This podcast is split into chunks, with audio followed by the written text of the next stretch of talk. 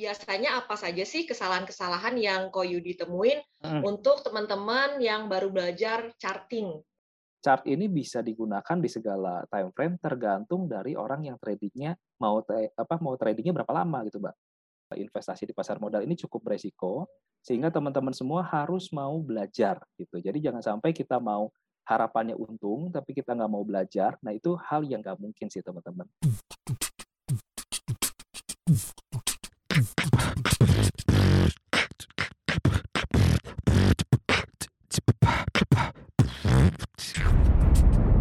Cuap-cuap cuan. Halo Sobat Cuan semuanya, apa kabar nih? Ketemu lagi kita di podcastnya CNBC Indonesia Cuap-Cuap Cuan, di mana kita cuap-cuap bisa berujung cuan. Nah, hari ini kita akan belajar sama-sama nih soal charting dengan seorang suhu atau master charting ya, yaitu Koyudi Chen. Halo Koyudi, apa kabar? Halo Mbak Lin, kabar baik. Halo Sobat Cuan semua, apa kabar? Kabar baik pastinya ya, semoga juga pada cuan. Oke, langsung saja nih Koh Yudi, kita kan pengen belajar nih gimana sih kita itu kalau trading biar yeah. ada panduannya gitu ya kok, nggak kayak uh, matanya ketutup sebelah atau bahkan ketutup dua-duanya gitu kan. Nah kalau kita iya. trading yeah. ini kan salah satunya yang bisa jadi panduan kita adalah chart ya kok ya. Betul, nah betul. Uh, kalau menurut Ko Yudi sendiri, seberapa penting sih uh, chart ini buat perjalanan trading seorang Yudi Chen? Kalau aku dari awal pertama kali uh, trading kembali ya, aku semuanya base dari chart sih. Jadi kalau misalkan aku disuruh trading tanpa chart, aku udah kayak suruh masuk hutan nggak punya peta dan kompas. Jadi suruh keluar kayaknya impossible, termasuk cara aku uh, trading. Jadi buat aku sangat-sangat penting sih. Tanpa adanya chart, kayaknya buat cari peluang cuan tuh aku nggak bisa sih, gitu. Oke, Ko Yudi kalau boleh diceritain uh, gaya tradingnya Ko Yudi ini seperti apa sih? Kalau aku gaya tradingnya lebih banyak ke swing sih, Mbak Alin. Karena kan mungkin terpengaruh dari pertama kali aku belajar trading, karena kan aku dulu sambil kerja ya Mbak Alin ya. Jadi kayak kita beli uh, satu saham, ya disimpan sekian waktu, udah profit, baru dijual. Nah itu uh, kenyamanan itu membawa aku trading sampai sekarang masih sama uh, apa stylenya masih sama seperti itu. Cuman memang belakangan ini aku agak mulai belajar dengan uh, time frame time frame yang lebih kecil. Jadi memang kalau misalkan aku punya portofolio trading misalkan contohnya satu portofolio isinya empat saham bisa di split jadi dua yang swing tetap yang duanya aku roaring. Jadi di trading yang lebih cepat. Biasanya seperti itu sih kurang lebih. Tapi itu dipisahin akun ya kok uh, aku ada akun invest. Nah, kalau akun invest uh, time frame-nya lebih panjang lagi. Jadi biasa kalau yang itu aku uh, hold sampai benar-benar nanti dia patah. Nah, kalau yang di akun trading biasanya aku swingnya sampai kena target biasanya. Kena target, misalkan aku uh, punya target price 100% misalkan ya udah kena target price biasa aku jual yang yang itu kan 100% cukup besar buat swing ya. Jadi aku udah sampai sana aku jual. Tapi kalau yang dua sahamnya lagi biasanya di akun yang trading juga ya itu sedapatnya aja sih misalkan 5% 10% ya udah untung ya bisa dijual gitu.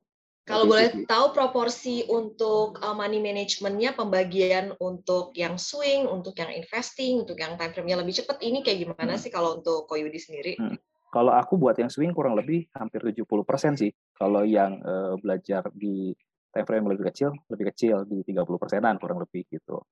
Kenapa? Karena buat aku sendiri aku lebih nyaman uh, swing panjang. Jadi aku tipenya lebih senang sekali cuan 100%, 200%, aku senangnya seperti itu gitu. Kalau misalkan cuan cuma 2%, 1%, uh, ya bisa sih, cuman aku nggak terlalu suka gitu. Karena memang terbiasanya dari dulu uh, swingnya agak-agak besar dapat profitnya gitu. Jadi kalau kasih kecil kurang cocok gitu. kurang lebih seperti itu sih malah.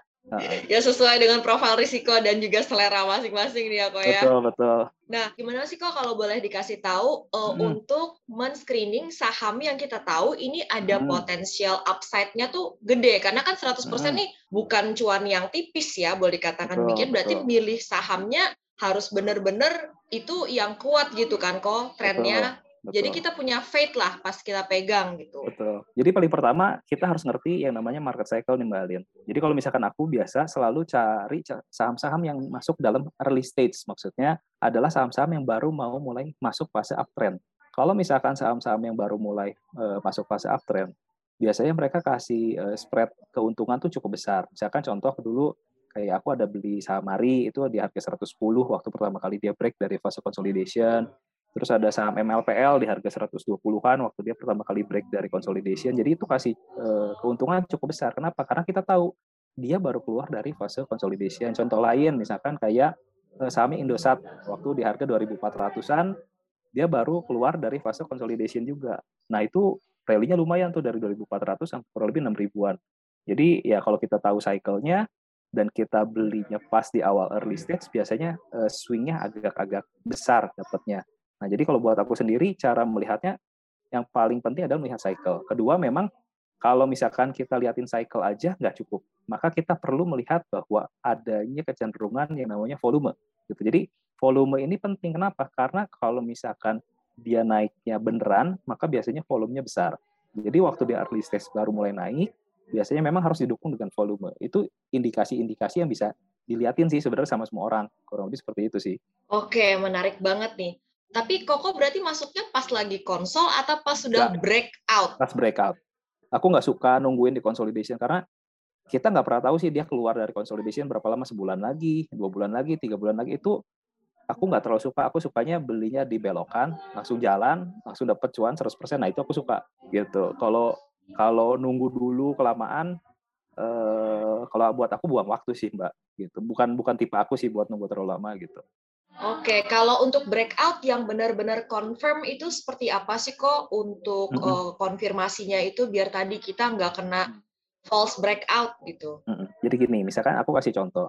Uh, kalau misalkan resisten dari fase consolidation dia misalkan 1000 ya Mbak Lin ya. Berarti harga minimal tutup pada saat jam 3 sore itu 1010 kalau aku biasa aja. Jadi harus plus satu persen eh, di hari yang sama. Meskipun misalkan dia tadi siang naik sampai 1100, meskipun dia turun, selama dia tutup satu persen di atas dia punya resisten, berarti dia terkonfirmasi. Itu itu aku pakai aturan seperti itu. Tapi kalau misalkan ternyata nih eh, besoknya turun dari 1000 turun satu persen, berarti dia masuk lagi ke fase consolidation yang dulu. Berarti di situ aku harus pasang stop loss kurang lebih eh, seperti itu. Lalu kalau misalkan dia memang breakout tadi dari angka 1000 biasanya volume dia biasa besar.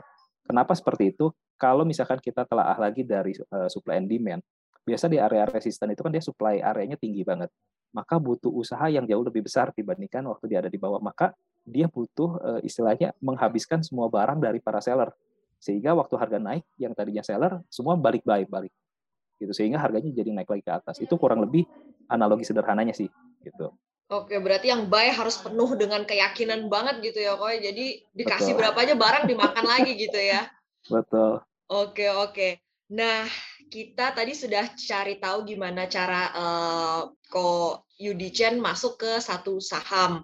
Kalau hmm. untuk keluarnya berarti selain hit target 100%, kadang-kadang kan misalnya nih kayak saham-saham yang tadi Ko Yudi bilang itu kan ujung-ujungnya ngasih cuan lebih dari 100% kan kok? Apakah Koko hmm. keluar di 100% atau Koko ikutin ya. aja nih sampai hmm. trennya uh, jalan terus gitu atau nah, patah nah, gitu?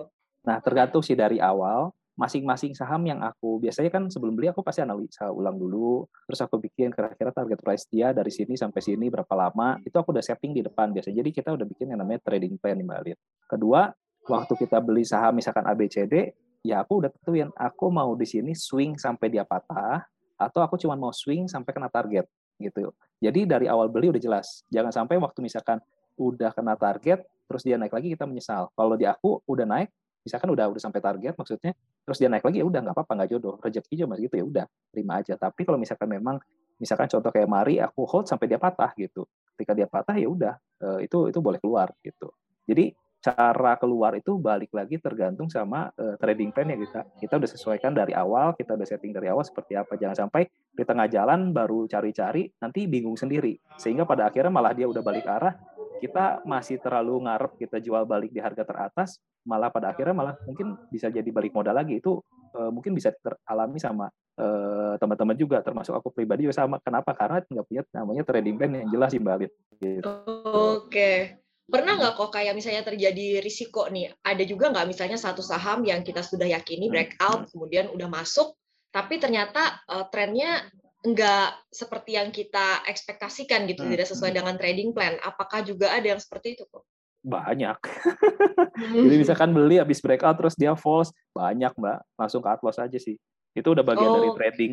Jadi memang kalau dari awal kita beli dan false itu udah resiko. Jadi memang trading ini kita udah tahu hal yang tidak bisa dihindari itu sebenarnya adalah kerugian. Tapi yang bisa kita uh, hindari adalah kerugian yang besar. Kalau kerugian kecil itu udah pasti. Tapi kerugian yang besar itu pilihan gitu. Baik salah atau benar itu ditentukan sama market.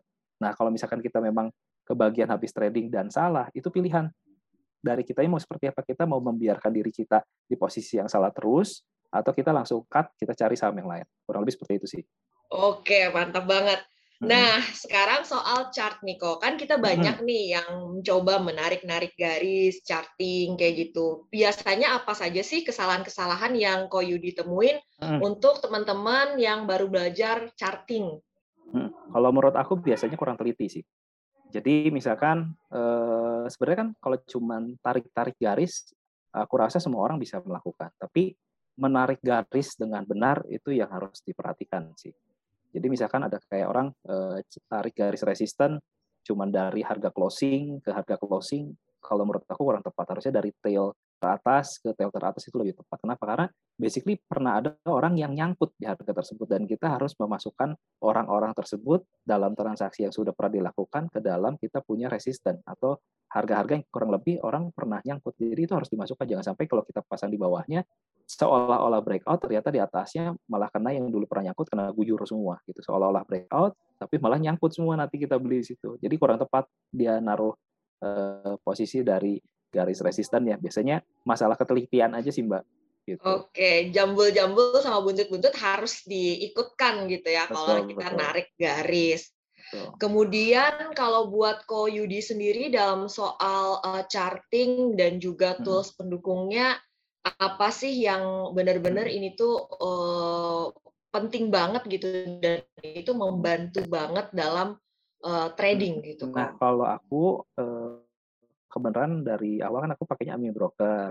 Nah, di Ami Broker itu kalau misalkan kita ada teman-teman yang pakai, di sana ada namanya toolsnya itu Bari Play. Jadi gini, fungsinya Bari Play ini apa? Fungsinya adalah kita uh, bisa mencek misalkan perjalanan histori, misalkan contoh saham BBRI tahun 2018, uh, dia kapan naiknya, kapan turunnya, dari harga berapa berapa, kita bisa hide perjalanan sampai yang uh, 2021 sampai sekarang gitu. Jadi kita bisa bikin dulu analisanya, habis kita bikin analisanya, kita tinggal play historical dia punya candlestick seperti apa. Sehingga kita bisa melihat apakah kita punya analisa sudah bagus atau belum dan itu dilatih terus gitu. Sehingga kita punya tingkat akurasi lebih tinggi. Terus kita melihat kenapa ya kecenderungan dia bisa naik kenapa ya eh, saham ini kecenderungannya turun. Itu banyak faktor yang bisa melatih kita punya uh, feeling gitu. Jadi dengan kita melihat satu gambaran oh langsung dapat nih feelingnya seperti apa. Ini lebih cenderung naik atau lebih uh, cenderung turun. Kalau misalkan kita let's say tanpa uh, fasilitas tersebut,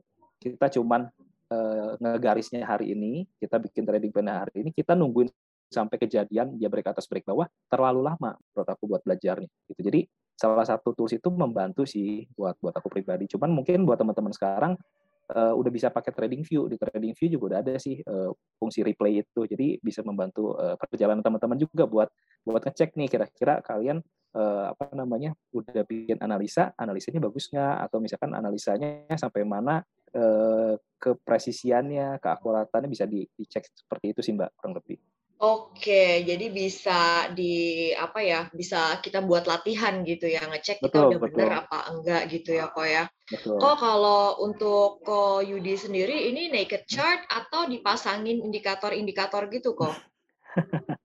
ini pertanyaan yang klasik sebetulnya. Nah, balik lagi mm -mm. tergantung sama masing-masing orang. Kalau dulu aku awal-awal memang aku pakai indikator, Mbak. Pakai kayak MACD, pakai uh, stokastik, pakai OBV, MFP, eh, parabolik SAR, dan lain sebagainya. Tapi pada akhirnya jadi pusing, Mbak. Yang satu suruh jual, yang satu suruh beli, itu pada akhirnya buat aku pribadi bingung. Dan kalau misalkan kita sebenarnya belajar lebih dalam, kita mengerti tentang indikator. Sebenarnya indikator itu kan dibuat dari uh, lima komponen yang sudah ada dari candlestick, itu komponen harga open, harga high, low close, dan volume sebenarnya. Nah, uh, di dalam perjalanan saya melihat bahwa yang namanya indikator memang uh, selalu telat memang sesuai dengan pembuatannya gitu kalau telat. Nah kalau misalkan e, dicobain dalam aku punya punya eh, perjalanan trading banyaknya tuh kadang seolah-olah dia golden cross. Habis beli ternyata turun. Habis turun dia dead cross kita jual ternyata dia malah naik lagi. Dan itu buat aku banyak banget problem yang istilahnya ketidakpastiannya tinggi gitu. Sehingga aku mencari satu cara bagaimana cari cara trading system yang pasti. Kapan beli, kapan jual. Sehingga aku membuka semua aku punya indikator sehingga naik ke chart aja. Cuman pakai support resistance sesimpel itu sih gitu. Yang simple bisa powerful juga ya kok ya kalau kita Betul. tahu caranya ya. Oke. Okay. Nah, uh, gini kalau misalnya Koko udah ada saham inceran kan, hmm, kemudian hmm. Koko udah tahu nih, oke okay, kalau break segini saya masuk kalau full, hmm. ya gitu kan kok. Nah, sementara kan kalau mungkin gaya trading kayak Ko Yudi kan nggak setiap hari mantengin pasar kan. Ada tips nggak kok biar kita bisa entry-nya sesuai dengan harga yang kita mau kayak gitu kok. Ini uh, pertanyaan biasanya aku bisa pasang automatic order. Jadi aku udah analisa kurang lebih misalkan tadi uh, break-nya di harga 1000 berarti aku beli 1010 ya udah masukin automatic order aja. Kalau harganya sampai 1010 uh, nanti dia langsung auto buy misalkan uh, sekian lot itu bisa langsung pakai automatic order sih. Nanti dekat-dekat sore tinggal dicek aja oh kejemput hari ini oh hari ini belum kejemput berarti tunggu lagi hari Oke, okay, good till cancel gitu ya orderan yang ya, itu kali ya, ya betul. Oke, nah kemudian kalau untuk charting ini sebenarnya bisa hmm. disesuaikan dengan gaya style trading kita ya ya. Bisa. Apakah sebenarnya orang yang cuma copet-copet cuan atau scalping ini mereka juga bisa pakai chart gitu hmm. dan chart mana sih kok yang cocok hmm. untuk sesuai dengan gaya-gaya trading atau gaya-gaya cari cuannya? Hmm, nah, memang chart ini kan dia adalah uh, basically dari supply and demand atau transaksi pasar yang sudah terjadi di market. Nah, kalau misalkan kita di, di dalam hari-hari adalah scalper, sebenarnya mau pakai eh, chart satu menit, lima menit pun itu udah bisa digunakan. Gitu. Tapi kalau misalkan kita lebih ke swing, pakai daily aja udah cukup. gitu. Tapi kalau misalkan kita mau lebih investing, jangka panjang, mau pakai weekly chart juga boleh aja. Jadi pada akhirnya memang chart ini bisa digunakan di segala time frame tergantung dari orang yang tradingnya mau apa mau tradingnya berapa lama gitu, mbak. Kurang lebih seperti itu sih menurut aku ya. Gitu. Oke. Okay. Buat Koyudi sendiri seberapa penting sih chart pattern kok? Dan mana yang paling powerful nih? Biasanya kalau ketemu pola ini Koyudi cuan gitu. Kalau ketemu ini Koyudi biasanya udah alert nah, kalau buat aku siap, siap pattern itu sangat penting gitu. mbak. gitu. Jadi uh, chart pattern ini ditemukan sama R.N. Elliot tahun 1930-an kalau aku nggak salah. Nah dia tuh mendeteksi bahwa di dalam perjalanan yang namanya uh, fear and greed atau emosionalnya orang tuh akan selalu berlaku sama. Sehingga gambar atau chart itu akan membentuk perlakuan yang selalu sama juga Mbak. Gitu. Nah, kalau kita udah pelajari yang namanya cacat pattern ini, karena kita udah tahu uh, psikologi market, cara itu kan basically men uh, mencerminkan psikologi market. Nah, kalau kita udah tahu psikologi marketnya, kita tahu nextnya arahnya ke mana. Maka kalau kita udah tahu next arah ke mana, kita udah tahu tujuan pemberhentiannya di angka berapa. Taunya dari mana? Ya salah satunya dari pattern sih Pak. Itu itu penting banget menurut aku. Kalau misalkan nggak ada pattern, buat aku pribadi agak kesulitan di dalam uh, trading. Terus kedua, apakah pattern itu pasti selalu uh, targetnya sampai? Belum tentu juga. Karena ada aja uh, bentuk-bentuk yang istilahnya uh, tidak terkonfirmasi. Maksudnya tidak terkonfirmasi gimana? Waktu dia breakout biasanya nggak ada volume atau low volume. Misalkan contoh uh, saham Main tahun 2000 Pak ascending triangle. Waktu dia break itu low volume, dia berubah bentuknya dari yang tadinya ascending triangle jadi rising wedge. Malah dia turun lagi ke bawah. Gitu. Jadi memang di dalam perjalanan kita pun perlu cukup uh, detail melihat volume ini bergeraknya seperti apa. Karena basically dia adalah bahan bakar untuk harga saham itu naik. Kalau misalkan bahan bakar sedikit, biasanya naiknya nggak akan awet atau nggak akan jauh. Kurang lebih seperti itu. Hmm, volume kunci berarti di sini apa ya? Betul, betul. Contoh misalkan kita dari Jakarta mau ke puncak lah. Mm-hmm. Kalau mobil tuh ibaratnya harga dari harga saham yang sudah bergerak. Kalau misalkan memang harganya dia mau naik tinggi, maka dia butuh e, bensin dari mobil itu penuh. Kalau enggak nanti tengah jalan mo, e, mobilnya mogok, nggak sampai puncak gitu. Maka sepanjang jalan dia naik ke puncak, bensinnya harus penuh. Kalau misalkan nggak penuh, nanti sebelum nyampe puncak dia mobilnya udah mogok keburu turun. Gitu. Jadi penting banget hubungan antara volume dengan price itu diperhatikan. Kalau misalkan memang dia naik terus dan volumenya meningkat, berarti ini bagus. Dia eh, kenaikannya akan cukup panjang. Tapi kalau misalkan dia naik secara signifikan, nggak ada volume, biasanya ada sesuatu di saham tersebut. Jadi kalau aku biasa nggak aku kejar biasanya. Kalau misalkan memang udah naik, nggak aku kejar. Takutnya eh, kebanyakan habis eh, naik, dia remek, langsung turun lagi ke bawah. Karena ya cuma sedikit orang aja yang ikutan di dalam situ biasanya. Kurang lebih seperti itu sih. Oke. Ko Yudi bener nggak sih ini ada yang bilang kalau orang dengan um, dana yang besar ini sebenarnya hmm. mereka bisa melukis chart, bener nggak? Kalau misalkan ngomongin tentang melukis chart, sebenarnya uh, ya semua orang bisa melukis chart mbak. Even uh, retail hanya cerita uh, dia bisa beli satu lot aja udah bisa melukis chart. Dia bisa merubah chart, misalkan harga dari 1000 ke 1005, tapi bertahan cuma satu detik gitu kan cuman uh, makan di over sekali satu lot udah gitu diem.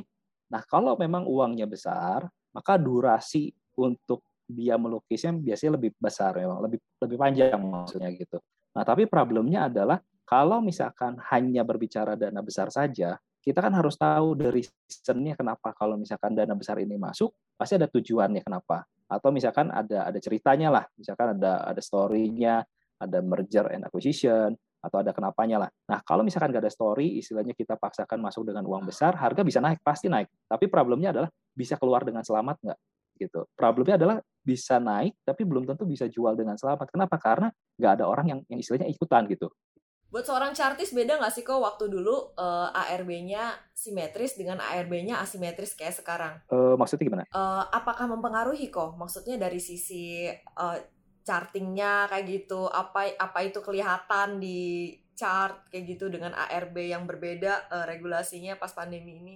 Regulasi yang baru ya ada baik dan kurang baik ya menurut aku ya. Baiknya apa? Ya seolah-olah kita hanya maksimum rugi 7%, tapi sebenarnya itu enggak enggak menjadi hal yang baik juga kalau kondisinya kayak misalkan contoh di uh, akhir Januari ya, itu kan bisa ARB sampai 18 kali. Itu lebih parah daripada satu kali ARB 35 persen mbak. Dan itu sebenarnya bikin chartnya nggak nggak nggak nggak real istilahnya. Kenapa? Karena kekunci 7 persen udah udah nggak bisa ngapa-ngapain gitu. Jadi dibilang real banget ya sebenarnya real tapi delay gitu. Uh, fear-nya orang jadi ke delay karena minggu atau mungkin dua minggu baru baru bisa sampai harga harga bottom. Iya. Kok apakah uh, semua saham ini bisa kita tarik garis atau bisa kita analisa dengan charting kan soalnya ada tuh kalau saham-saham yang nggak liquid jarang ditradingin kan suka kayak uh, bolong-bolong loncat-loncat kayak gitu pokoknya aneh gitu deh kok berbicara tentang chart kan tadi aku berbicara bahwa psikologi market. Nah, kalau misalkan nggak liquid,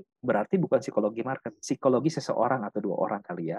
Sehingga oh. memang kalau oh. misalkan kita lihat, ya kita bisa lihat eh, pergerakan harganya, kita bisa lihat supply demand-nya, tapi kita tidak bisa melihat secara komunal. Kenapa? Karena yang gerakinnya cuma satu dua orang itu aja kan.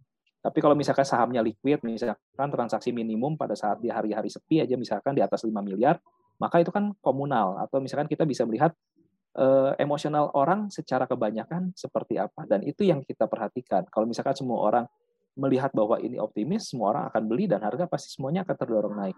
Nah itu yang lebih penting. Makanya kalau aku pribadi, aku nggak terlalu suka sih saham-saham yang nggak liquid. Kenapa? Karena eh, apa ya? Bukan nggak bisa dianalisa, tapi ya memang pada akhirnya suka-suka yang yang menggerakkan gitu. Kurang lebih seperti itu sih. Oke, kalau gitu. Eh, kok apakah lewat chart itu terbaca misalnya ini jualan yang jualan meskipun penurunannya cepat sebenarnya tuh sedikit gitu baru sedikit yang jualan gitu di nah, volumenya atau apanya gitu jadi misalnya, oh kita nggak perlu takut ternyata ini bukan jualan yang masif kok sebenarnya. Hanya panik aja atau gimana itu terbaca nggak sih kok di chart? Sebenarnya terbaca, cuman memang ini agak tricky ya. Kalau misalkan kita masih basic banget, biasanya tuh kita nggak menyadari bahwa katanya seolah-olah kalau volumenya kecil, berarti tenang aja masih dalam koreksi yang wajar. Iya terus harganya tapi kok tahu sih. tapi harganya turun terus nggak berkesudahan. Itu itu yang tadi aku umpamakan sama mobil si Balit. Sekarang kalau misalkan harga udah naik, terus mobilnya mogok, mobil mogok turun dari puncak tuh nggak butuh bensin, Mbak. Bener nggak? Dari puncak betul, ke Jakarta betul, turun nggak butuh bensin. Maka dia sebenarnya low volume, nggak masalah. Tapi dia bisa terus turun, meluncur terus sampai ke Jakarta. Nah itu yang sering kali jadi problem. Maka sekali lagi kita harus mengenal tetap basically supportnya ada di mana, sampai batas mana yang low volume ini masih aman. Jangan sampai kita kena low volume tapi terus ke bawah terus turun sampai pada akhirnya memang nggak dikasih ribut sama sekali. Itu itu problem juga gitu. Jadi tidak berbicara bahwa low volume itu pasti pada akhirnya akan naik. Nggak juga kok. Banyak banget saham yang low volume tapi tur terus turun tapi problemnya adalah turunnya diiris-iris. Sehari sepersen minus hari sepersen minus minus hari sepersen terus tiap hari sampai sampai apa ya problemnya emosional sih mbak. Oh nggak apa-apa lah hari ini cuman kerasanya minus persen. Besok ah nggak apa-apa hari minus persen lagi. Tapi tiap hari minus minus minus minus habis dua minggu wah jadi minus 20 persen ya. Nah itu problem-problem lain juga sih. Itu apa ya lebih kayak kebiasaan psikologi juga sih mbak gitu. Oke. Ya kok Yudi untuk menutup perbincangan kita di cuap-cuan hari ini boleh kasih pesan Bu untuk sobat-sobat cuan? Ya untuk sobat-sobat cuan semua sih yang paling penting kalau misalkan kita memang mau berinvestasi di pasar modal Indonesia itu salah satu langkah yang eh, paling tepat buat teman-teman apalagi kalau misalkan teman-teman mulai dari usia muda. Tapi memang pada akhirnya kita mengetahui bahwa investasi di pasar modal ini cukup beresiko sehingga teman-teman semua harus mau belajar gitu. Jadi jangan sampai kita mau harapannya untung tapi kita nggak mau belajar. Nah itu hal yang nggak mungkin sih teman-teman. Istilahnya kayak kalian sekolah lah kalau misalkan kalian pengen jadi seorang yang profesional, maka kalian harus sekolah dari SD, SMP sampai ke universitas. Sama dengan di pasar modal, baik itu dengan metode misalkan hari ini teknikal atau dengan fundamental. Pada akhirnya teman-teman semua harus belajar, jangan sampai tidak belajar tapi pengennya cuan aja. Itu aja sih. Wah, cuan dengan belajar ya. Harus, Mbak. Betul, mantap banget nih pesannya dari Ko Yudi Chen. Terima kasih Ko Yudi waktunya Sama -sama, buat sobat cuan semuanya. Semoga selalu sehat dan cuan melimpah. Amin. Amin. Ya Sobat Cuan itu tadi perbincangan kita dengan Yudi Chen, Master Chartist yang konon katanya seorang Michael Yo juga sempat belajar chartnya tuh dengan Yudi Chen. Semoga perbincangan tadi bermanfaat buat Sobat Cuan semuanya biar punya pegangan dan lebih yakin lagi dalam mengarungi pasar saham.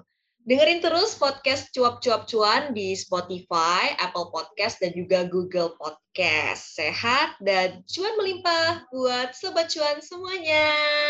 CNBC Indonesia, Beyond Business.